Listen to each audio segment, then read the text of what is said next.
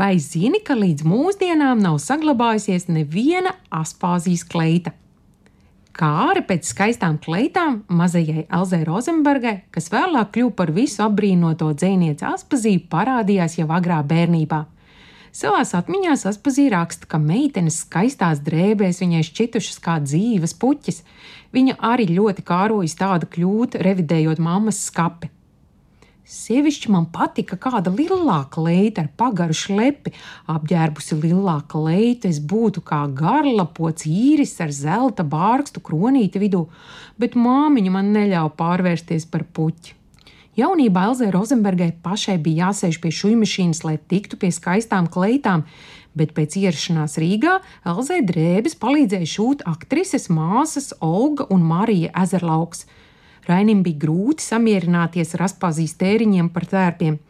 Esot trimdā Pleskavā, viņš 1899. gadā aspazijai pārmet stāstu šūšanu pie māsām, kas prasot pārāk daudz naudas. Tu pasūti pie viņām sarkanu blūzi par sešiem rubļiem, kur Pleskavā tu tādu varēji nopirkt par trīs rubļiem. Kā ir ar kleitu? Ja tu tagad liec sev šūt kleitiņu melnās vietā, kuru tu vairs nekādi nevari ilgāk valkāt, tad ej pie citas šuvejas vai nopērts gatavu. Dzēnieces stērpi ik gadu kļūst arvien ekstravagantāki. Vislielāko publikas sajūsmu izraisa viņas melnā ar mežģīņu ziediņiem izšūtā kleita Lūgas Sidraba šķidrauts pirmizrādē 1905. gada janvārī.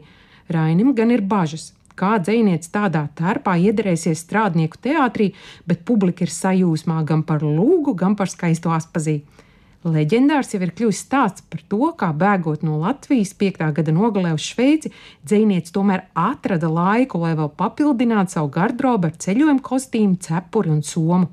Trimdā gan pucēšanās ir sarežģīta, bet, kad Aspazīja dodas uz Cīrihu ārstēties, pirmās lietas, ko viņa lūdz Rainim no Kastaņolas atsūtīt, ir papildu drēbes un matu ķemes.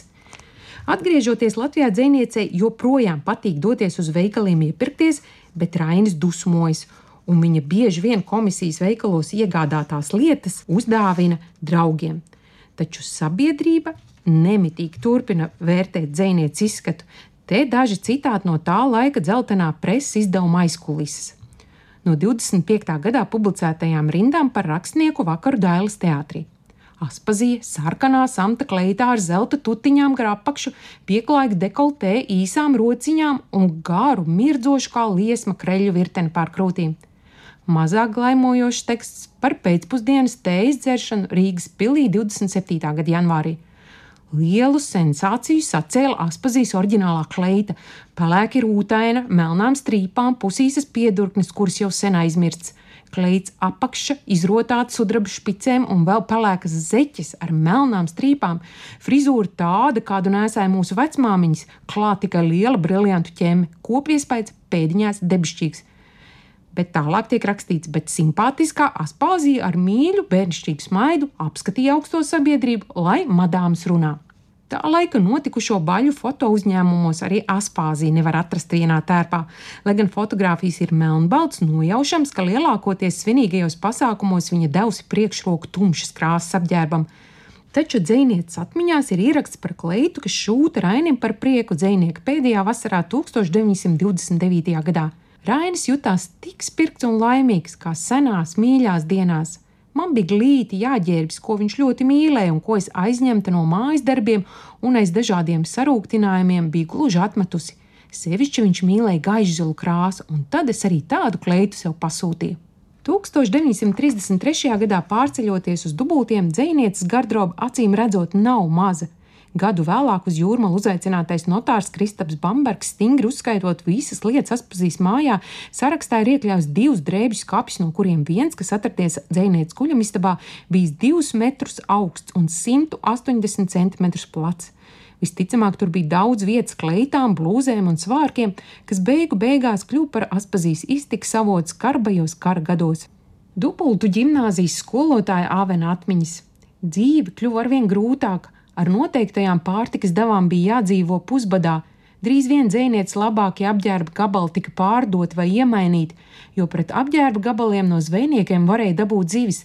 Tā Aspazīs garderoba nokļuva pie zvejnieku sievām. Tolaik nevienu reizi vien man likās, ka pa ielu pretī nāk Aspazī, bet tā bija zvejnieka sieva dzēnieces drēbēs. To savās atmiņās apliecina arī talsiniece Vallija Jankevica, kura pēc Aspazīs nāves vēl tikusies ar mājkalpotāju Anniņu. Viņa stāstot par dzinieces pēdējām dienām teikusi, ka Aspazīja vēl pēdējo reizi pārskatījusi savu skatu, lai izlemtu, kuras no atlikušajām drēbēm iedāvināt mājkalpotājai, tuvojoties gadu nogales svētku laikam. Pie Aspazīs dubultos dzīvoja viņas brāļmeita Vīrēna Rozenberga, un ir zināms, ka dzinieces kleits tika pāršūts arī viņas vajadzībām. Tāpēc neaspazīs kleitas, ne blūzas vai svārki nav redzams ne pie mums aspazīs mājā dubultos, ne Raiņu un aspazīs mājā Rīgā, ne Raiņu un aspazīs vasarnīcā Majoros. Raiņu un aspazīs pētniece Astrīda Cīrula neatceras nevienu gadījumu, kad kāda no vietējām jūrmalnieku ģimenēm būtu kādu aspazīs kleitu nesus uz muzeju. Mums gan pavisam nesen kāda muzeja apmeklētāja stāstīja, ka pēc mātes nostāstiem svārki, kas glabājoties viņas mājās, savulaik piederējuši dzēniecei. Svārki īpašniece solītos kādu dienu ienest un parādīt, bet, nu, Drēbēm ir grūti ar to pierādīšanu. Kad stāstīja par šo gadījumu Cīrulas kundzei, viņa smejoties atteica, ka tad, ja tie svārki tiešām tiks atnesti, tad visas sasēdīsimies tiem apkārt, ilgi lūkosimies, un tad uz balsošanu ir mums vismaz viens aspazīstērps saglabājies vai ne.